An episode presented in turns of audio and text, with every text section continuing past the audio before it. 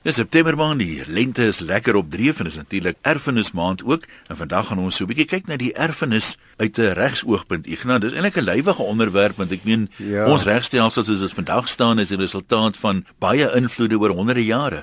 Dis baie waar een en baie mense dink dat uh, ons het ons regstelsel geërf hierso en dit begin in 1652. Maar eintlik soos jy reg sê begin dit al baie baie langer terug as dit. Ek het so voordat nou kom by die geskiedenis van ons reg regtig en hoe ons reg saamgestel is en wat ons geërf het by en by wie ons dit geërf het. Wil ek tog so 'n bietjie net vinnig verwys na 'n toespraak wat ek so 2 jaar gelede gehoor het van uh, Dawie Rood, weet die bekende ekonom, hy ja. sê hy kyk net sy oggendprogram ook by ons prokureursvereniging daar van Noordwes by die Palace daar by Sun City en hy het 'n bietjie gepraat oor sy persepsie van die geskiedenis van eiendomsreg.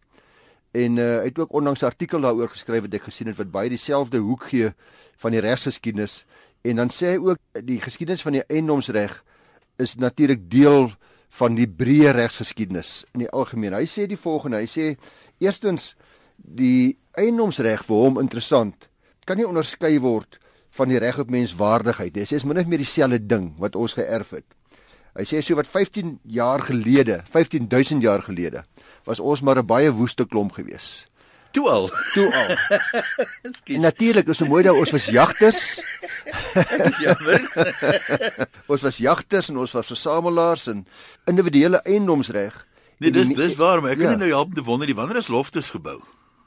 Dit, dit is seker heel, heel wat daarna wees.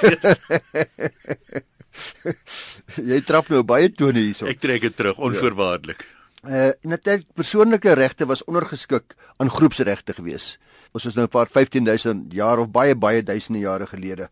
En as jy die rede was eenvoudig dat daar nie eintlik gekontrakteer was nie. Hy sê die definisie van eiendomsreg, daar was nie persoonlike eiendom om van te praat nie. Die bietjie eiendom wat daar was, was hierdie groep besit gewees. Nou ons in Suid-Afrika ken dit ook. Ons ken dit ook wat die stamme en die koninkryke en die dinge betref wat ons hier aangetref het. En toe sê hy daar met verloop van tyd 'n paar deurbrake gekom. Eers het ons diere begin tem en ons het hulle mak gemaak. Vir die eerste keer was daar iets uit 'n dier aan my behoort. Uh, en dan sê hy andersins het ons ook begin plante, graan plant. En daarmee saam is eiendomsreg ook na grond uitgebrei. Nou dit is 'n interessante perspektief want deur die hele proses het daar instellings en ander dinge tot stand gekom met die doel hoofsaaklik aanvanklik om eiendomsreg te beskerm. Dis 'n weermag. Dit was howe geweest, dit was grondwette, uiteindelik demokrasie. Hoekom? om dit wat ons wil vir onsself vat te beskerm. Nou hy sê die ontwikkeling van eiendomsreg en die beskerming daarvan loop dus soos 'n goue draad deur die geskiedenis van die mens. Maar nog interessanter sê is dat die definisie van eiendomsreg oor die eeue al hoe wyer geword het. En vandag sluit eiendomsreg in benemens die fisieke goed wat ons nou kan voel en kan sien, ook immateriële goedere reg in, eiendom in kopiereg, patente, die reg om handel te dryf met jou eiendom, die reg om te kontrakteer en baie baie meer dan wil hy die definisie verder uitbrei deur ook die reg op jou lewe, die reg op waardigheid, die reg op selfbeskikking, uh die reg oor jou liggaam. Indien iemand my lewe steel, is dit moord. Indien iemand my liggaam uh, ontwaardig, is dit aanranding. En so gaan hy aan en hy sê ons politieke ontwikkeling het die individu dus al hoe meer op die voorgrond geplaas en daarmee saam is die regte van individue beskerm en daar instellings wat ontstaan het ons geërf instellings soos die handves vir menseregte eiendomsregte ensovoorts. Nou en dan sê en dis nou maar uit sy ekonomiese perspektief uit as 'n ekonom sê en ek stem daarmee 100% saam. Hoe beter dit wat ons geërf het, hoe beter die beskerming wat ons geërf het van eiendomsreg is, hoe beter presteer die ekonomie ook. En dit is baie waar, maar kom ons kyk 'n bietjie Suid-Afrika se regstelsel. Dis 'n gemengde regstelsel. Soos die meeste ander regstelsels in die wêreld, is daar 'n geskiedenis van leen by ander regstelsels. 'n gemengde regstelsel soos in ons land beteken in wese maar dat daar 'n samesmelting is van die gemeenereg en dan die siviele reg. En hierdie integrasie van hierdie siviele reg en gemeenereg vind dan basies plaas deur 'n mengsel van regte, reg, soos geskep deur ons howe, deur ons regters en dan ook deur ons wette. 'n Stelsel dus waar geregtelike reëls toegepas word, statute in verskillende forme geldend is en dan ook ontwikkeling en toepassing daarvan deur ons howe. Nou die meeste regsgeleerdes sal dalk aanvoer dat ons uh, regstelsel in Suid-Afrika ontstaan het in 1652 met die aankoms van die Hollanders in die Kaap die Goeie Hoop. Maar uh, in 'n toespraak van uh, meneer Gontlet, Jeremy Gontlet, is 'n baie bekende advokaat wat ek geluister het na hier in 2010, wys hy reg daarop dat daar al aanduidings was van 'n inheemse regstelsel vanaf 200 na Christus. Hy praat van die Bantu pratende Eystertydperk gemeenskappe veral in die noordelike dele van Suid-Afrika. Dit was daar al 'n inheemse regstelsel. Ek gaan nou 'n bietjie meer sê oor die tradisionele reg. Interessant. Ja. Hy sê in 1652 het die Nederlandse Oos-Indiese Maatskappy toe die regstelsel toegepas van die maatskappy se invloedrykste lid, naamlik Holland. Nou ons eh, die Hollandse reg weer het uh, ontstaan vanuit die Romeinse reg.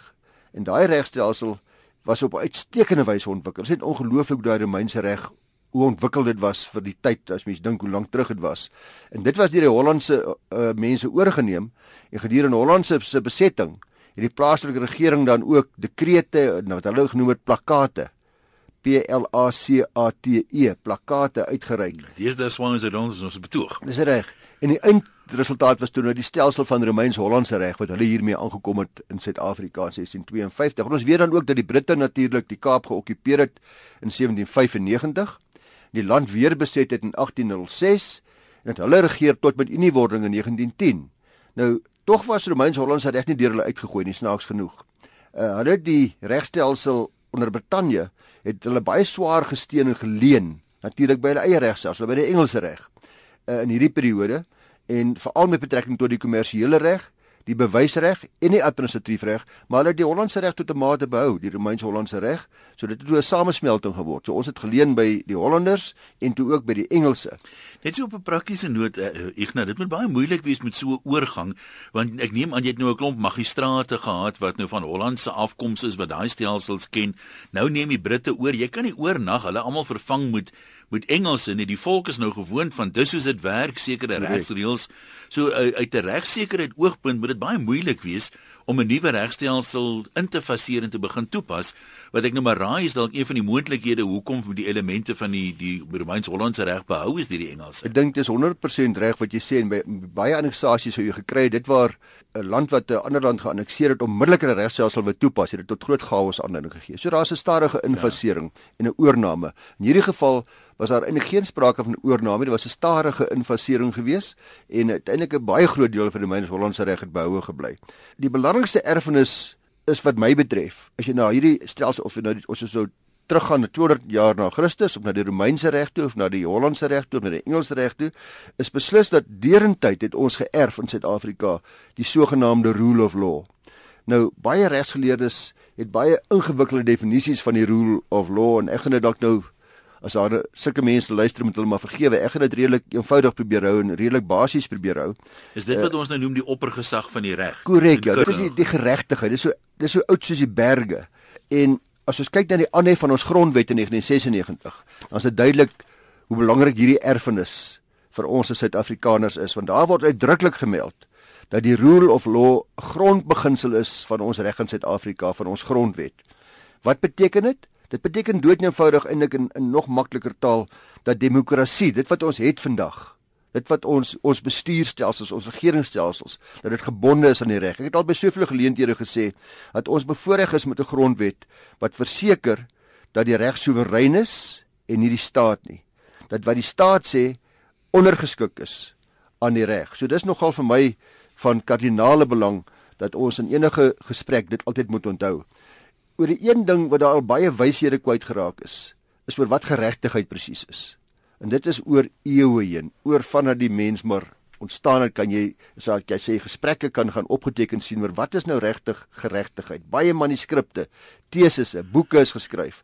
En ek dink die die die fout en aanhalingstekens wat 'n mens maklik maak is nou hoor lees jy van iets wat 1000 jaar terug het hulle mense verbrand wat dit of dat gedoen het. Ja. En uh, nou klink dit vir jou dan verskriklik ongeregtig maar dit is baie moeilik om vandag terug te kyk en die gemeenskapsnorme en waardes en weet van daai tyd daarop toe te pas. Dit was miskien toe doodnormaal. Jy is 100% reg. En dis wat dit so moeilik maak om om aan studente 'n begrip te gee van van waarna ons streef as ons geregtigheid najag. Want dis wat ons almal behoort na te jag, van die hoogste regeringsvlakke af tot by elke een van ons wat in ons eie huis dit wil doen. Uh en dit dit is waar die sogenaamde rule of law bykom. Wat is die gees en die doel van 'n regstelsel? Wat het ons regte geërf? Watter gees het ons oorgeneem by die Hollanders en by die Engelse en by die uh Romeine ensovoorts? En hoe moet ons optree binne daai regstelsel om te verseker dat reg behoorlik geskied? So, wat is die reëls van geregtigheid? En ek het afgekom op 'n uitstekende uitspraak in die saak van die prokureursorde vir die noordelike provinsies versus Mahon. Dis 'n saak waarin appelregter Kashalia van die Hooghof van Appel, maar ons 'n appelhofsaak, 'n hele klompie wyshede oor die rule of law kwyt geraak het. En ek wil graag met dit luister, ons luisteraars dit net so kortliks deel stukkies daarvan. Uh want dis eintlik maar ons erfenis. En dit in ons howe het dit nou ook deel van uitsprake gemaak om vir ons daaraan te herinner. Hulle sê fairness and justice sê hy are underlying aims of our constitutional order. Most legal systems would subscribe to those values. Central to the idea of fairness is a demand to avoid bias in evaluating any case, taking note of the interests and concerns of others and in particular the need to avoid being influenced, and dis belangrik hierdie vir my, to avoid being influenced by one's own vested interests or by personal priorities or eccentricities or prejudices. Fairness can broadly be seen as a demand for impartiality. Ek dink dis pragtig. Hy gaan op 'n ander plek voor. Hy sê in 'n similar vein, justice according to Plato, nou Plato is 'n ou Romeinse wysgeer gewees, requires us to treat equals equally and unequals unequally. There are however many theories and conceptions of justice, and the search for an exact idea of justice has escaped philosophers as it has judges. It often boils down to one's personal sense of justice. Dan sê but fairness and justice are inherently malleable concepts and cannot be freestanding requirements against which to test the constitutionality of a statute, its interpretation or its, or its applicability to the facts of a particular case. Because if they were, statutes would be declared unconstitutional or applied differently depending on an individual judge's perception of what is fair or just in a particular case. So ons het onafhanklikheid geërf.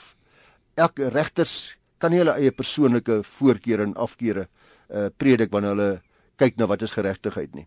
Obviously, when interpreting laws, judges are assisted by the presumption that the legislature does not intend to enact laws that produce unfair, unjust or unreasonable results, but laws are of general application and the meaning cannot change to accommodate individuals. A statute, just like the constitution, does not mean whatever we wish it to mean. Cases must be decided on a principle basis. Dis nou 'n mooi storie oor wat ons in jurisprudence, uh, rule of law. Wat is dit regtig?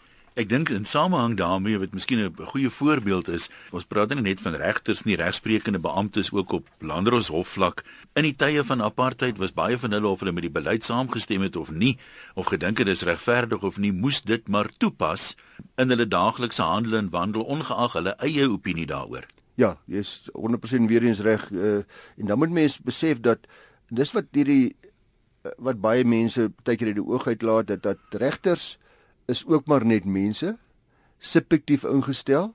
Hulle het ook 'n agtergrond waaruit hulle vandaan kom, 'n hoek waaruit hulle die lewe sien en is nogal baie moeilik vir regters om objektief te wees, maar ek dink as ons na ons goeie uitsprake kyk, dan kom ons agter dat mense dit nogal reg kry. Ek sien nou ondanks weer in die koerant oor 'n groot moordsaak waar iemand sê maar die regter het daardie agtergrond en daardie agtergrond en die regter hou dalk nou meer van vrouens as van mans of nou dit mag so wees maar as mens kyk na na rule of law en geregtigheid en eie voor, vooroordele en uh eie keuses wat agtergelaat moet word dan moet 'n regter sy of haar bes doen om werklik objektief te kyk na wat die gemeenskap van hom of haar verwag. Ignas, watter eh, kan toe nou jy het net nou genoem ja, van tradisionele reg onder andere nog? Ja, uh, Terrens April ons begrafbestuurder het gevra ons moet tog 'n bietjie ook kyk na in hierdie erfenismaand aan na tradisionele reg. Nou ek moet dadelik bieg dat ek is regtig weet bitter min daarvan. Uh in Suid-Afrika is daar baie min regsgeleerdes dink ek wat 'n idee het enigsins van hoe tradisionele reg werk werk en wat die geskiedenis daarvan is en hoeveel daarvan nog toepassing vind vandag. Uh baie min vind nog toepassing luisteraars wat tradisionele reg betref.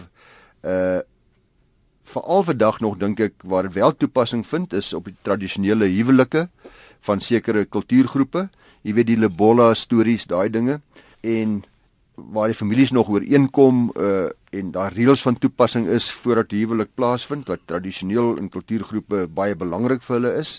Dan het ons ook nog tradisionele stamgebiede waar daar stamhowe is of tradisionele howe of uh, in, in rade is, godklas en die soort van dinge uh met hulle eie interne reëls uh en ook hulle eie straftoemetingsreëls. Nou dis beslis mensensiens besig om stadig maar seker te verdwyn. Ek dink soos wat kulture verwesters uh soos wat mense stad toe beweeg en dan weer die stadsgewoontes gaan toepas weer waar hulle teruggaan na hulle na hulle stadte toe. Uh en ek dink daar's dis ook uh sodat daar baie minder bronne is uh oor die tradisionele reg deesdae wat ons op universiteite aanvind. Daar is nou word nog kursusse aangebied. Daar's baie kritiek teen die toepassing van tradisionele reg in sekere gemeenskappe omdat dit soms ongereguleerd plaasvind. Dit kan lei tot misbruik, persoonlike magsbeheptheid uh gee baie word baie keer gevind, maar ek moet bieg, ek weet bitter min daarvan en ek het tog gewonder, ek het uh toevallig gesien die Prokureursorde van Suid-Afrika uh, wie hierdie program borg en aanbied namens wie ek dit doen, bied uh, eersdaagse kursusse aan. Ek dink dit is 'n professor Bakker van die Nisa wat dan oor tradisionele reg gaan praat en as daar iemand is wat vir ons meer kan sê oor tradisionele reg wat lus is om met ons te kom gesels, kan dit dalk lekker interessant wees eers as jy saamstem, as jy nie Ja, nee, absoluut. Dis ek sê dis jy weet die mense weet nie altyd baie daarvan en ek dink in baie mense se koppe is dit soort van ja, amper histories interessant, maar dis nie deel van die geldende reg nie. Ja, nou so ek sê in praktyk vind dit baie baie min toepassing. Ek dink dat die meeste prokureur prokureur praktiserende prokureurs en ek het uh, vir 'n klompie van my swart kollegas gevra met die oog op 'n uh, bietjie meer sê as wat ek nou gesê het. Wat kan julle wat kan hulle my sê? En kom ek agter maar hulle weet eintlik net so min soos ek. Hulle weet van huwelik heel heel wat. Hmm. Uh, want daar is redelik baie reëls op van toepassing. Dan uh, die laaste deel miskien vir erfenismaand want dit wat ons geërf het, is dit so belangrik om te weet dat ons ook 'n stelsel geërf het waar daar skeiding van magte is. Terwyl ons nou van magsbeheptheid kan praat by dalk tradisionele reg of by ander groepe waar daar skeiding van magte is, dan moet ons gaan kyk na 'n uh, saak wat in Suid-Afrika dink ek baie belangrik is, is ons appel of die hoogste hof van appel. Dis die nasionale direkteur van vervolging en ander versus die groep wat hulle self noem vryheid onder die reg. Nou die demokratiese stelsel van regering word gekarakteriseer deur 'n stelsel van balans. En dit vooronderstel weer 'n skeiding van magte tussen die wetgewer, die wetgewende gesag, die uitvoerende gesag en die regsprekende gesag, die regbank. Sodoende kan verseker word dat daar rekenskap en toepaslike reaksie verkry word en ook verder om te voorkom dat hierdie drie magte, hierdie drie afdelings van die regering magte van mekaar oorneem. En om soos ek sê daai balans tussen die drie te probeer handhaaf en op 17 April 2014 hierdie jaar die Hoogste Hof van Appel uitspraak gelewer en hierdie fundamentele beginsels van ons eh, demokrasie, ons grondwetlike demokrasie weer beklemtoon hoe skeiding van magte behoort te werk. Die eerste appellant in hierdie saak was die nasionale direkteur van openbare vervolging advokaat Ngomba Jiba. Die tweede appellant was advokaat Lawrence Mwebi eh, wat op 1 November aangewys was as hoof van die gespesialiseerde kommersiële misdaadeenheid in nasionale vervolging. Die derde appellant uh, was die nasionale kommissaris van die SAP van die polisie op daardie stadium van die uitspraak generaal Mangwashi Victoria Piega. Nou die vierde appellant wat die belangrikste litigant was op uh, die sta op daai stadium was luitenant Richard Mdluli wat ons nou deesdae van baie in die koerant te lees. Al hierdie ja. mense se name is nou al bekend want die gevegte hou nie op nie en die en die spanning en die politieke uh, stryde wat gevoer word is is derentyd in die pers. Nou nasionale uh, hierdie Richard Mdluli hy die posisie gehou van nasionale afdelingskommissaris kriminele intelligensie in die SAP. Die respondent wat met die naam Vryheid onder die reg is 'n nuwensgewende organisasie Hulle is ook baie baie nou betrokke in die promovering van demokrasie en die verbeteringe van respek vir die reg in Suid-Afrika. Hulle doen baie goeie werk my insiens. Nou hierdie respondent Vryheid onder die reg het 'n aansoek uh, in die Noord-Gauteng Hof Pretoria gebring vir die hersiening en tersydestelling van vier besluite. Dit kom nou nou spraak oor die skeiding van magte hierso. Ja. Wie kan wat besluit?